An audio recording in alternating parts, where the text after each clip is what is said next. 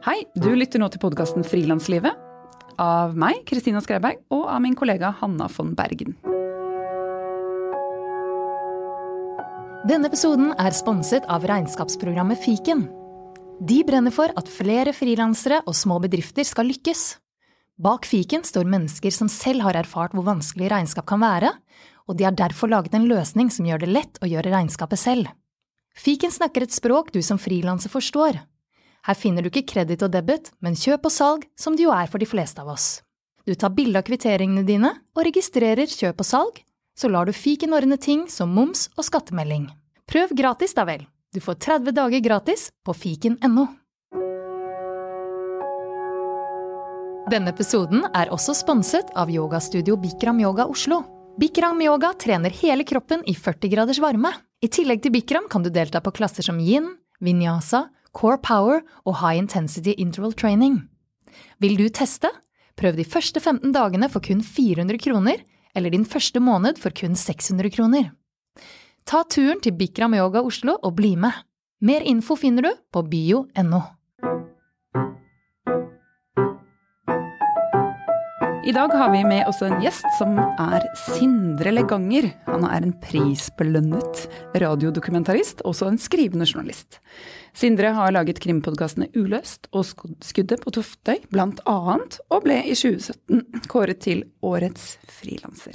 Og det ble du i fjor? Og det ble jeg i fjor. Men tusen takk for at jeg får komme. Eh, men først, det å bli årets frilanser, hva syns du om det? Hvordan, hvordan er det å få en sånn pris? Hvilken betydning har det? Ja, det var kjempehyggelig. Um, og det følger litt penger med det òg, uh, eh, så det var jeg jo glad for. Men mest av alt så, så tenker jeg at um, altså Som frilanser så er du opptatt av å bygge et brand, på en måte. Og det brandet er deg selv. Så bare det å få en pris som på en måte som bare handler om personen, det handler ikke bare om, handler ikke om arbeid først og fremst, men bare personen, det tror jeg er altså, veldig veldig eh, altså, viktig, faktisk, bare for å få sånn foredragsjobber og liksom andre ting enn eh, en, eh, ja, altså Bare for, å bygge brandet, liksom, så, så, var det faktisk veldig bra, tror jeg. Ja, ja. Og, men merket du sånn etterdønninger av det, sånn helt, helt, konkret i etterkant? At ja. du så ting kom pga. det? Ja, jeg, jeg, fikk, jeg, fikk, litt foredragsjobber, og så følte jeg, altså det veit jeg ikke selv, men jeg følte at hvis jeg søkte på prosjekter og sånt, så bare Eh, det var lettere å få ja.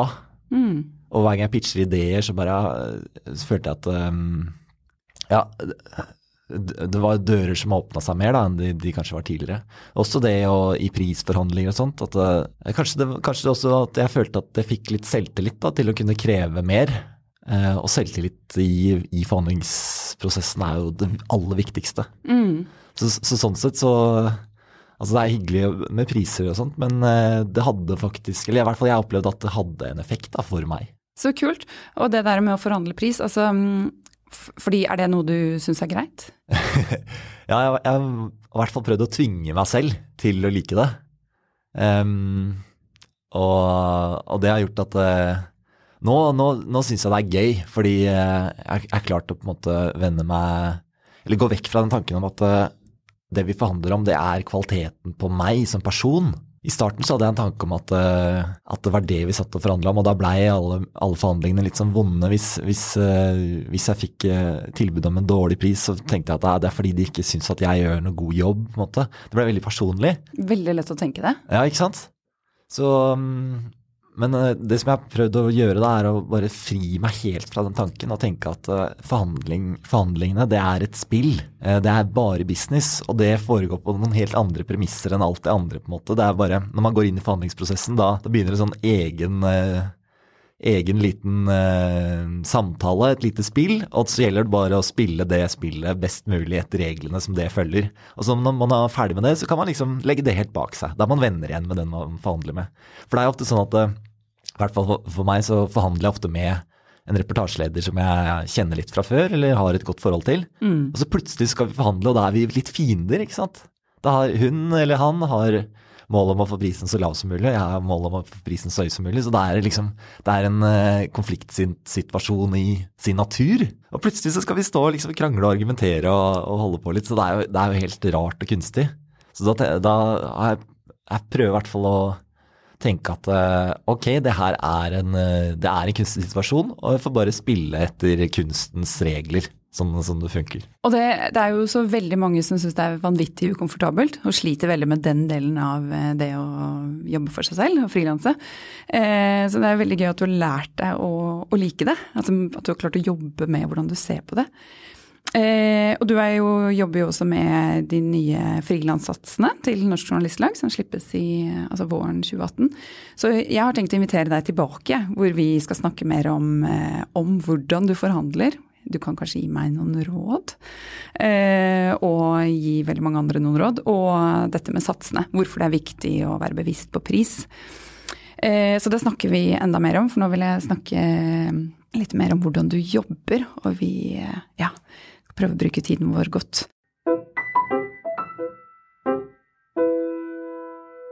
Hvordan er liksom din arbeidshverdag som frilanser? Og hvor, eh, hvordan håndterer du det der med å veksle mellom å skrive og lage podkastserier? Ja, hvordan, hvordan, får du det til å funke? Jeg, jeg sitter jo på eh, et kontor. Leier en kontorplass i et kontorfellesskap. Og det er eh, helt essensielt for meg, altså, bare for å ha et sted å gå til. Og få litt sånn uh, Ha noen å spise lunsj med og få litt støtte og, og, og kraft når, når, hverdagen er litt sånn Altså Av og til så får man masse avslag på rad, ikke sant, og det kan være tungt. Eller man blir litt feig i en forhandling og trenger litt støtte. Er, jeg syns det er så viktig altså, å ha noen, noen uh, kolleger å kunne søke hjelp hos og bli inspirert av og alt det der. Så det er Kunne ikke vært mer enig. Det er på en måte ja. Førstepri for et sunt frilansliv. Ja. ja. Og de penga det koster for den kontorplassen, det, det, får du igjen i første forhandling, tror jeg. Altså, bare ved å ha litt høyere selvtillit.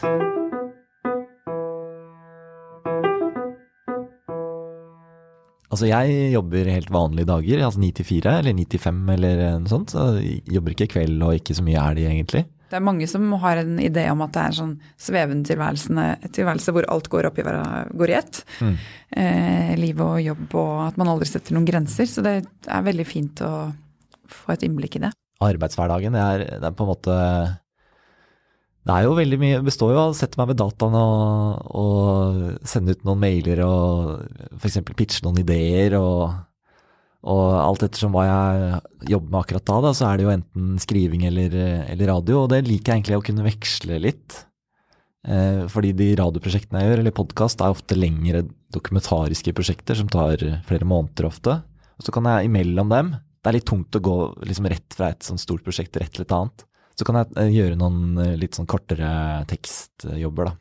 Den variasjonen høres egentlig veldig fin ut med å liksom jobbe veldig sånn langsiktig, men også og så bryte det med å jobbe noe man liksom ser resultatet av etter noen uker, eller Ja, det er, det er ja. veldig deilig. Og en, en stor ting med frilanstilværelsen er jo det at uh, du risikerer ofte å ha en del ufakturerbar tid, altså tid hvor du bare venter på ting, f.eks. Venter på et svar fra en sjef, venter på resultatet av en søknad, venter på at intervjuobjekt skal få tid. Man kan risikere å ha en del ufakturerbar tid ved at man venter på noe.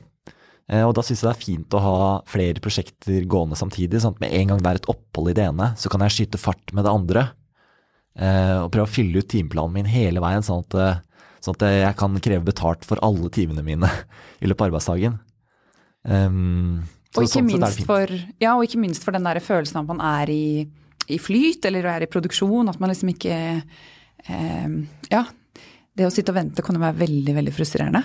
Mm. Så det, jeg er helt enig. Liker å ha parallelle prosjekter gående. Ja, sånne dager hvor du kommer på kontoret og så bare etter eh, arbeidsdagen er gått, så tenker jeg bare hva har jeg gjort i dag? Hva, hvordan har jeg tjent penger i dag? Liksom, jeg, har ikke, jeg, har ikke, ført opp en eneste arbeidstime på et eneste prosjekt. Eh, fordi jeg har liksom sittet og venta eller et eller annet. Det er, ikke de, det er ikke noen gode dager, altså. Nei. Du, da kan du heller eh gå tur i skogen eller uh, svømme på Tøyenbadet, eller hva enn du liker å gjøre. ja, samtidig så altså de dagene Man må ha dem òg, tenker jeg. Fordi det er jo i de dagene jeg pitcher, f.eks., eller setter ting i gang, eller Jeg gjør noe da også, men det er bare den her pengebiten av det som da kan være litt sånn åh, tjen, hva tjente jeg faktisk i dag? Jeg tjente ingenting. Fordi du, Tenker du på det? Eh, hva, hva tjente jeg i dag? Når du går hjemmefra en gang imellom? Ja, jeg tenker masse på penger. Um, Tenker på det, tenker på det hver dag. Og det, og det tror jeg er veldig sunt også. Fordi hvis jeg ikke tenker på min egen økonomi, så er det ingen som gjør det. Jeg er organisert som et enkeltpersonsforetak, da. Så det er jeg bare helt nødt til. Og den business-delen av frilanstilværelsen er eh, essensiell for å kunne leve av det. For å kunne være proff, for, for, å ha forsikringer, for å ha pensjon, for å ha, kunne ha ferier som alle andre ansatte, liksom. Så, så må jeg tenke på det hele tiden, altså. Jeg er så glad du sier det, fordi det er eh, vi, det er vi jentene bak denne podkasten veldig bevisst på også. Eh, og er jo litt av målet, eller en av et av målene med å lage den og en, skape en bevisstgjøring rundt økonomien til frilansere.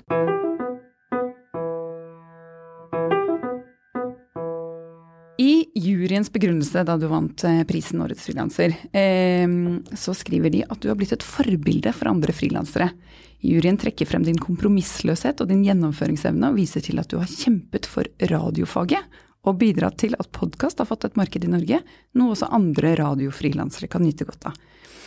Så jeg takker jo deg litt da, for at du har banet litt sånn vei for eh, sånne Selv om dette er et, litt, eh, et veldig annet format.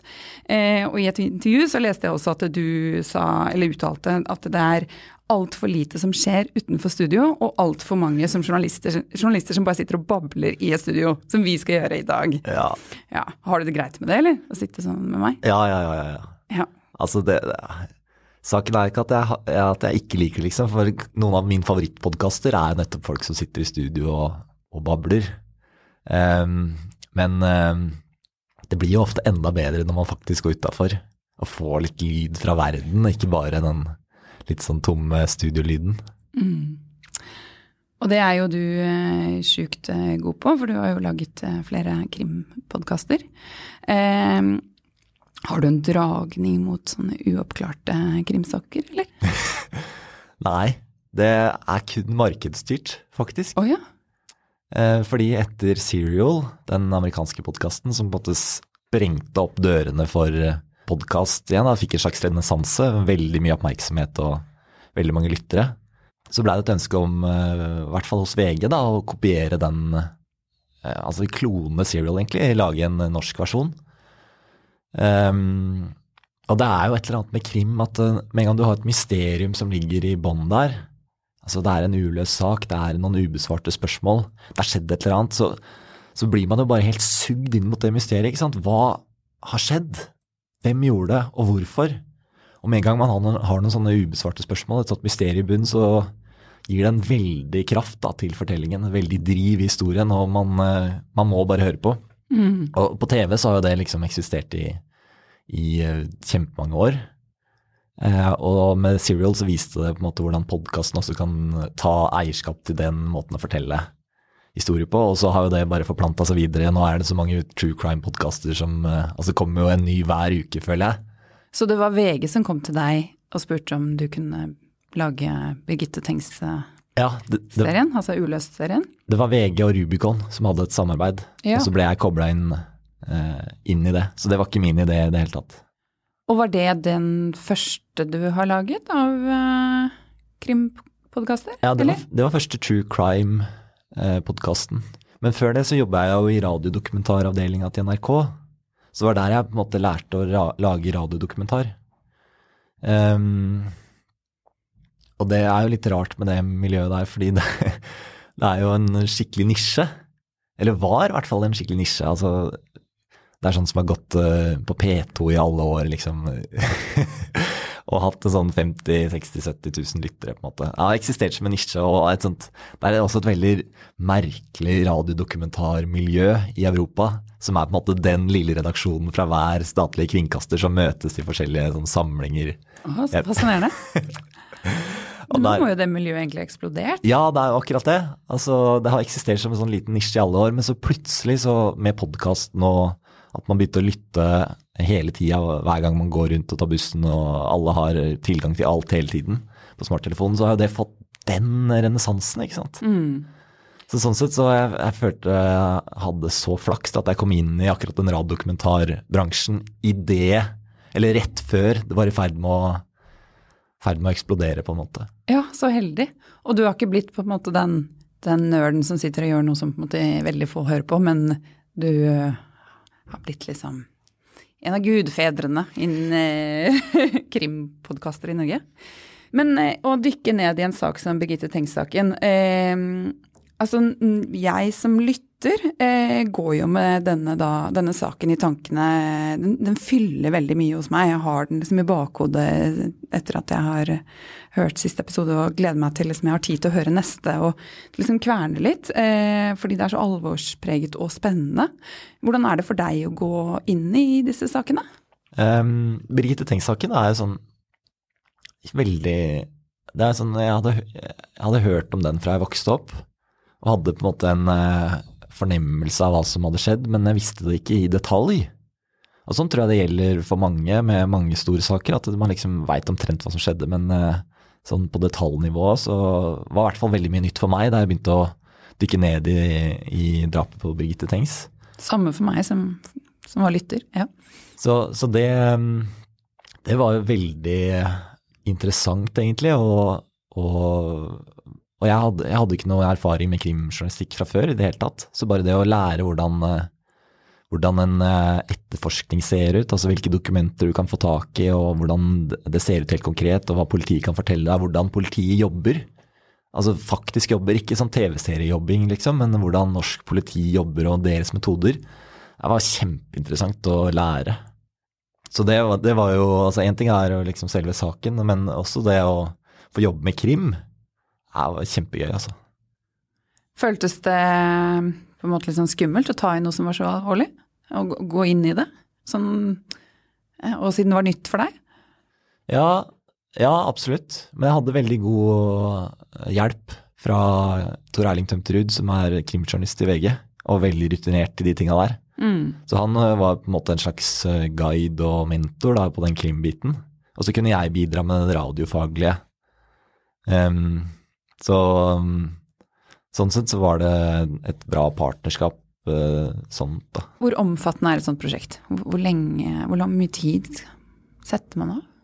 Ja, på den første sesongen av Uløst, som handler om Birgitte Tengs, så um, Ja, nå husker jeg ikke. Jeg lurer på om vi brukte i hvert fall uh, tre måneder eller noe sånt.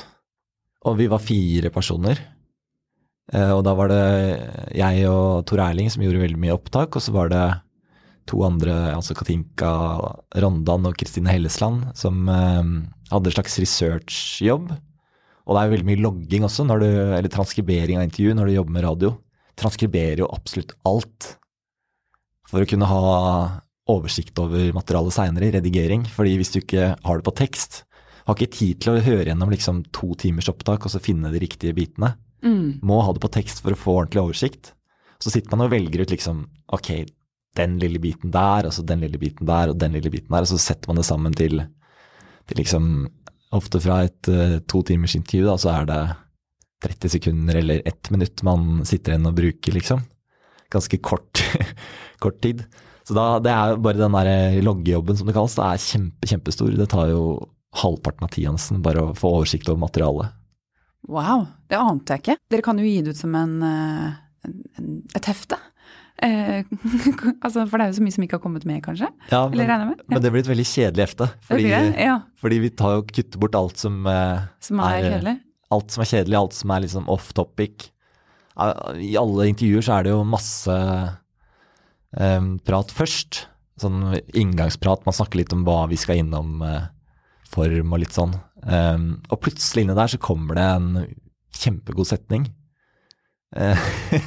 så man ender ofte opp med å, med å, måtte logge absolutt alt, bare for, å, bare for å ha oversikt over i tilfelle det skulle komme en eller annen, et eller annet gullkorn eh, når du minst venter det. Det er også det mest frustrerende med, med sånn raddokumentarformatet, er jo ofte at det, med en gang man slår av mikrofonen, så sier intervjuobjektet det aller fineste. Så Derfor så er metoden egentlig å ha spilleren på fra man kommer til man går. Det hører man sikkert i mange forskjellige, forskjellige radiodokumentarer eller podkaster, at det, eh, det, er alltid masse sånn ringer på døra, pling plong, hallo, hallo. Og det er eh, altså, En, en grunn er, til det? Ja, det er en grunn for det. Altså, En ting er at du setter en scene.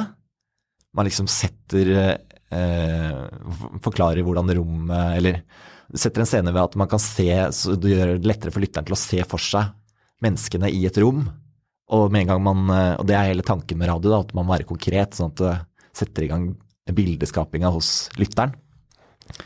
Får liksom fantasien til å fylle ut, uh, fylle ut det bildet som man hører om. Så det er én funksjon med det, men det andre er også bare for å faktisk få med seg alt materialet.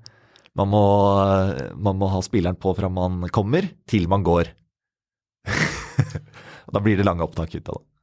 Jeg ofte, ofte, på intervjuer så sitter jeg med en mikrofon liksom helt oppi munnen på det jeg snakker med, sånn bare noen centimeter fra Oh ja, så, Så er veldig- komfortabelt for dem. Så det er veldig Det er det ikke rart de blir litt sånn uh, Ja, veier sine ord litt. Ja, men i hvert fall min erfaring er at eh, de, folk glemmer det ganske fort. Interessant. Men også det der med å intervjue. Altså, som du sa, at det kommer et, eh, en setning som er sjukt bra inn i ja, tre, altså flere timer langt intervju. Det kjenner jeg meg også igjen i, for jeg kan på en måte sitte og prate, og så plutselig bare våkner jeg og liksom Her er jo Dette er storyen, på en måte. Eller dette er eh, hoved... Eh, dette er introen, eller dette er Ja, her har vi det, liksom. Så man, man kan merke det nesten litt sånn i kroppen. liksom. Ja, ja, ja. Her, det her, det er dette som er bra. Ja. Liksom. Og da sitter jeg jo hver gang i et intervju så har jeg noen tanker om hva jeg har lyst til å ha ut av det. Og da, hvis, når, akkurat når det her skjer, så tar jeg liksom og haker av den boksen i, på den mentale lista mi på en måte, og tenker at ok, der fikk Ikke jeg den. sant? Ja. Eh, Check. Ja, ikke sant. Check, da er den i boks. Mm. Det er, det er veldig rart. Jeg husker, altså, Vi møtte jo hverandre i D2. Eh, og etter det så Det var først etter det jeg begynte med radio, egentlig. Å gå fra å skrive eller lage tekstintervjuer og gå fra den radiobiten, jeg husker det var kjempestor overgang. ja, det er på lista mi her, så bra du kom innom det. Ja, Hvordan, ja, fortell. ja fordi det er akkurat det derre I tekstintervju så kan man jo Det kan arte seg mer som en samtale. At man sitter og pludrer litt, liksom. Og kanskje intervjuobjektet forteller noe, og så kan jeg følge opp med en historie som, som kan relatere til det, og så får det intervjuobjektet til å dele enda mer. Ja, Man kan påvirke på en annen måte, kanskje? Ja, eller det er mer en eh, I hvert fall noen sin metode da, er at det er mer en utveksling med en samtale. Mens eh, Er det, har det vært din metode? Som skrivende? Egentlig ikke, men, men eh, jeg har vært mer at eh, i tekstintervju så krever det jo ikke noe god spørsmålsstilling av meg. Jeg kan fomle så mye jeg vil og, og stille liksom kjempedårlig halvformulerte spørsmål, og så likevel så kommer det noe ut av det. Fordi eh, intervjuobjektet bare spoler i vei, på en måte. Mens, mens med, eh, med lyd eller med radio så, så er det mye mer enn eh, Opplever i hvert fall jeg at det er en mye mer eh, Hva skal vi si kunstig setting. For det er så veldig tydelig at da sitter jeg med et svært headset på meg og en svær mikrofon som jeg holder så tett inntil munnen til intervjuobjektet. Eh, Og jeg er helt stille hele tida, for jeg vil ikke at det skal støye til eh, intervjuobjektet sin stemme og det den personen sier. Litt som jeg veldig mye sitter mens du prater og nikker. Prøver å ikke si mm, Ja, ikke som jeg ellers sier i en samtale. Ja. Veldig mye, kanskje altfor mye. Bare sånne bekreftelseslyder, det må helt ut, ikke sant? Så Og det er blir- jo ofte i en samtale eh, det, det skal gjerne til at man har disse bekreftelseslydene. Nå tar jeg nikken isteden, for å få eh, den andre til å kjenne at å, her kan jeg fortelle mer. Det, ja, sitter man helt blank, så kanskje tenker at ok, jeg jeg har sagt nok. Mm. Det, men sitter du også og nikker, eller? Ja, ofte så setter jeg meg ved siden av personen. Holder litt rundt dem og sånn? Ja. Nei. Nei, men jeg sier ofte at eh, jeg sier at det er mest fordi at jeg blir så sliten i armen av å holde mikrofonen, så hvis det er ok, så kan jeg sette meg helt ved siden av deg. Men det gjør også at eh, vi ofte ikke har eh, blikkontakt underveis. Og jeg sier at det ser gjerne ut der, og så kan du heller reflektere litt fritt. Eh, og, det, og det gjør at eh, at jeg slipper å sitte og nikke folk eh, i mål hele veien, hvis du skjønner. Slipper å gi bekreftelse hele tida på det, at det de sier er bra og riktig, og at dette her høres fint ut. Jeg nikker. Ja. Så det er en ganske fin metode, tenker jeg da, for å Og jeg tror også det er lettere å få folk til å reflektere helt fritt. Eller ofte så, så spør jeg om, om eh, fortidshendelser. Som hva som skjedde da du var der. Fortell det helt fra start til slutt. Det er sånn helt standard ting da, som jeg kan spørre om.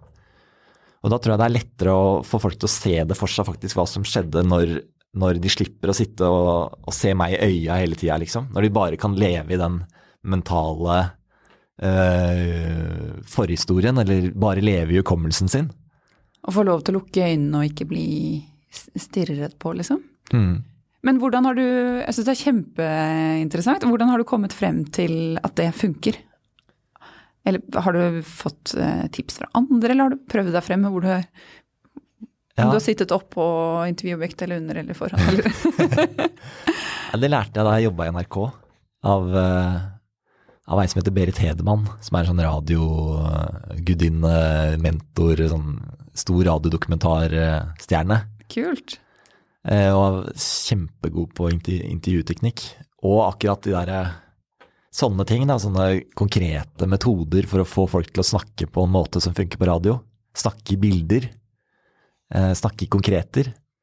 Eh, så jeg lærte kjempemye av hun. Og det er jo helt sikkert eh, enda viktigere i radio enn når man skal skrive. Men eh, jeg jobber også mye med det, faktisk, når jeg intervjuer. At det, å få dem til å forklare en hendelse, som, som, du sier. Og forklare hvordan det så ut, og hvordan eh, Ja, hva luktet det, hva følte du da, hvem, ja, hvem møtte du, hva sa dere til hverandre? Også for å kunne skrive bedre i bilder selv, da. Og kunne på en måte sette seg, eller få et bilde av uh, situasjonen. Det ja, spennende intervju, altså. Det er jo de samme teknikkene, tenker jeg, på, i hvert fall på feature og, og radio. At eh, du vil jo gjerne ha scener hvor det skjer noe ting. Eh, Men eh, jeg opplever at på radio så må du, eller må, må jeg stille spørsmål litt annerledes for å få folk til å fortelle det i hele setninger. Jeg kan ikke, jeg kan ikke spørre sånn Ok, hvilken farge var det på huset? Blått.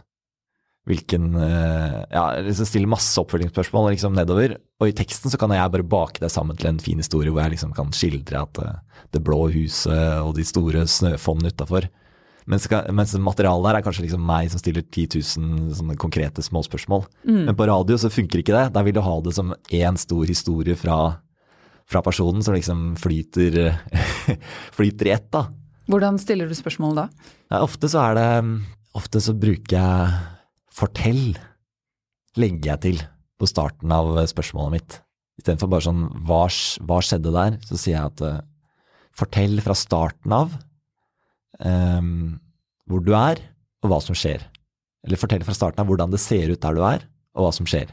Og tanken da er å tvinge intervjuobjekter til å form formulere seg i en hel setning som har en start, som ikke liksom må følge etter et spørsmål. Ehm, og at det kommer en lang historie da, som, som henger sammen.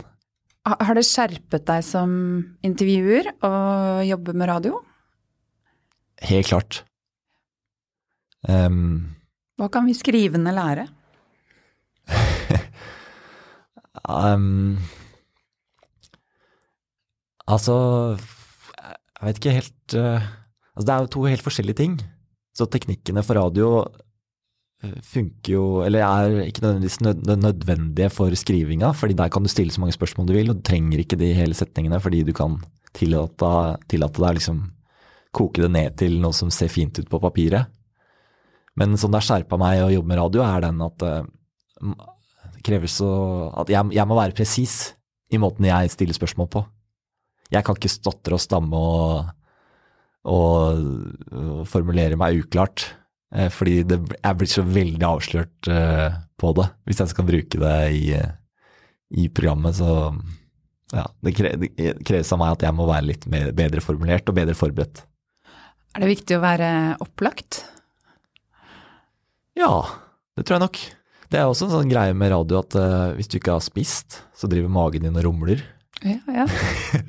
Og det kan man fort ende opp med å høre veldig godt på opptaket. Em,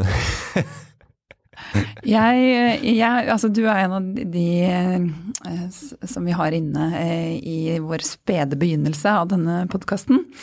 Så jeg er veldig glad for det, at du stiller. Og eh, derfor er det jo litt sånn Alt er litt nytt for oss. Og eh, i natt så sov jeg så innmari dårlig, og jeg tenkte pokker heller, fordi jeg eh, ser for meg at det krever så enorm tilstedeværelse og eh, ja, at man er opplagt når man skal lage et godt radiointervju. Vi, får se hvordan det går. Men eh, mens man kan komme unna, som du sier, med ganske mye eh, når man skriver. Og det er så utrolig mye man kan finne i etterkant når man skriver. Det, eller ringe opp igjen og ja. Ja. Eh, ja. Den muligheten til å er ringe opp der. igjen, den er, så, den er verdt så mye. Den er verdt så mye. Og det er så mye som kan komme da òg, som man ikke fikk første gang. Ja. Bare fordi man har eh, kommet et skritt videre i den der etablere kontakt. Plutselig så kjenner man- hverandre bitte litt bedre. Det, ja, jeg har fått for mye gode intervjuer av å ringe igjen, faktisk. Men ofte i sånne dokumentarprosjekter så møter man jo kildene flere ganger. Eh, og da får man jo muligheten til å på en måte man- altså den Andre gang man møtes, så blir det alltid et bedre intervju, fordi da kjenner man hverandre litt, og man veit hvor man skal. Hvor man skal i spørsmålsstillinga og historien, og hva som funker. på en måte, så... Men det kreves jo alltid at man møtes egentlig på, helt på samme sted der man gjorde første intervjuet, med den samme klangen i rommet, altså samme bakgrunnsstøyen. Og man må sitte helt på samme måte, og mikrofonen må holdes i samme avstand. For at du kan bruke det på samme måte? For at man kan klippe mellom de to intervjuene. Fordi Ja. med en gang det er noe forskjell der, så, så avsløres man veldig lett, da. Eh, Så Men i eh, Uløst eh, om Birgitte Tengs så fikk jeg jo veldig inntrykk av at du kom ganske nært på både faren til Birgitte og faren til fetteren til Birgitte. mm. Har, har du møtt dem veldig mange ganger? Faren til Birgitte møtte vi bare én gang. Mens faren til fetteren møtte jeg kanskje fire ganger, tror jeg. Um, og det tar veldig lang tid skulle, uh, når man skal fortelle om ting i detalj, og jeg hadde sikkert masse oppfølgingsspørsmål med ting som var uklart for meg, og sånt, så, så Og man, det er begrensa hvor lenge man orker å sitte og snakke sammen. Uh, Både for den intervjuobjektet som skal fortelle, men også for meg som må sitte og lytte konsentrert. Det er ganske slitsomt i lengden. Så da opplever jeg ofte at det er veldig bra å kunne dele det opp etter det har gått liksom en, en, en og en halv time, to timer, så bare sier vi at ok, nå tar vi en pause, eller nå, nå avslutter vi, og så tar vi, fortsetter vi historien neste gang vi møtes. Og reiste du da til Altså pendlet til og fra Karmøy, i Oslo, eller ble du værende på Karmøy liksom, i noen dager og møtte han over flere dager? Hvordan løste du det?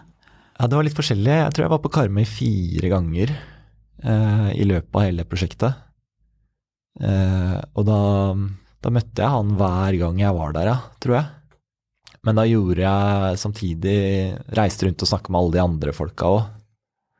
Eh, så det var ikke bare sånn at jeg Altså, jeg flytta ikke til Karmøy i det hele tatt og var der sånn i, i ukevis. Var der bare noen dager hver gang. Ja. Men jeg tror det er viktig da, å bare ta turen og få litt lyd av faktisk stedet. Ikke bare, ikke bare snakke med ikke, ikke invitere dem til Oslo og, ta, og gjøre intervju i studio, liksom, men faktisk møte dem der, der de er. Mm. Um, gir hele historien litt mer liv, tror jeg. Ja, det vil jeg definitivt tro. Se hva de ser, og være der de er.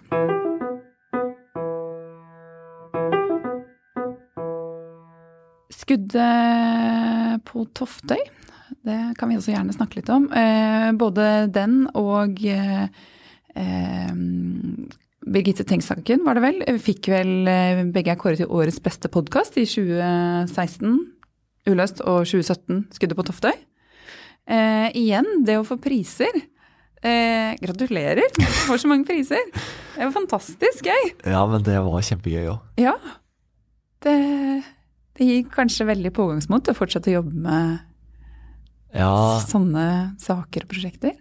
ja, det er jo litt sånn eh, Priser er gøy, det, altså. Men det morsomste er jo Eller det som priser er gøy, eller det som er gøy med priser, er at eh, det er en konkret bekreftelse på at det faktisk funka. At folk faktisk syntes det var spennende å høre på. Så jeg er kjempeglad for det, altså. var veldig morsomt. Eh, Skuddet på Toftøy, det er, jo Kan ikke du fortelle litt om det? Og eh, så lurer jeg også på, hva, er det en historie du fant selv? Ja. Eller ja, skal jeg fortelle litt om Fortell. hva det er først? Ja, gjør det. Ja, Det er altså en podkast av Aftenposten på A-magasinet om eh, en båttur eh, i skjærgården utafor Tjøme for noen år siden. Hvor eh, der eh, de, den båten da, den som heter Toftøy, den tilkaller hjelp etter hvert, og politiet kommer ut dit, og de oppdager at det er seks mann om bord. Fem mann om bord. Og um, en av dem er blitt skutt i beinet med en avsagd hagle, og om bord på båten så er det narkotika og også dynamitt. Og spørsmålet til politiet da er hva skulle de folka her? Hva var planen til eh, denne gjengen? Um, og det er det podkasten prøver å finne ut av. Så da, i løpet av den podkasten så snakker jeg med alle, hele besetningen, da, og, og de har litt forskjellig Eller hver av dem har sin versjon av hva som egentlig har skjedd om bord. Det er jo fantastisk morsomt, eller er det lov å si det? Tra tragikomisk? Ja, ja, ikke sant. Det er, det er noen skjebner der. Ja. Jeg har bare så vidt begynt å lytte på den. Jeg hadde et mål om å lytte til alt du har laget eh, innen jeg møtte deg nå, men jeg kom ikke så langt. Så jeg har, det gjenstår, og jeg har fått lyst til første episoden. Det er kjempespennende. Kjempegøy. Hvordan eh, kom du over denne historien? Jo, det er litt sånn Jeg føler ofte når jeg skal komme på ideer, og bare og målet mitt er å Nå må jeg komme på en god idé, så kommer det absolutt ingenting. Det er sånn, Hvis jeg ikke har noen rammer for det, så er det helt umulig, syns jeg. Og Jeg husker jeg har vært i, jeg jobba på NRK, så var jeg på masse sånne idéutviklingsseminarer hvor man sitter liksom en gjeng folk i et rom, og så skal man bare kaste ut ideer, alt mulig. Vi må komme opp med noe genialt. Og, og man kommer jo alltid opp med et eller annet, men det er aldri noe bra. I hvert fall i min erfaring. Det er liksom det er havner på en sånn gul lapp som legges nederst i skuffen til sjefen, på en måte, og tas aldri fram igjen.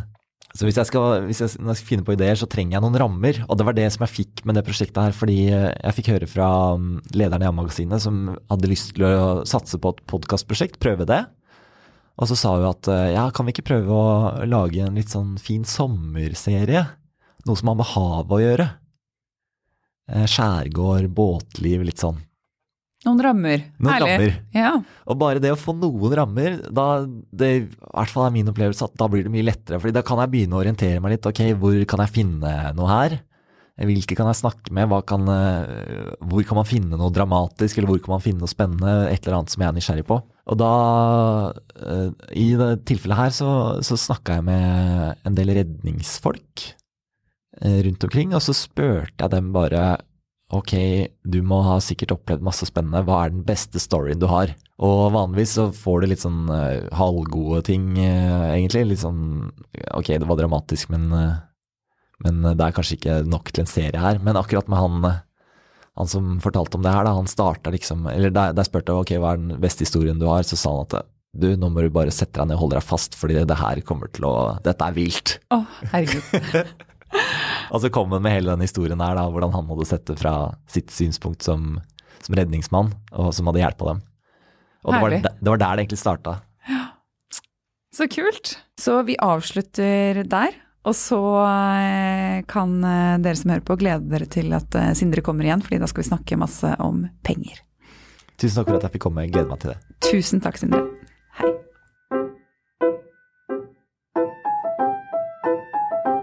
Vi håper vi skaper innhold av verdi for eh, dere frilansere der ute. Hvis du syns vi gjør det, eh, så blir vi veldig, veldig glade hvis du har lyst til å gå inn i iTunes og rate episoden.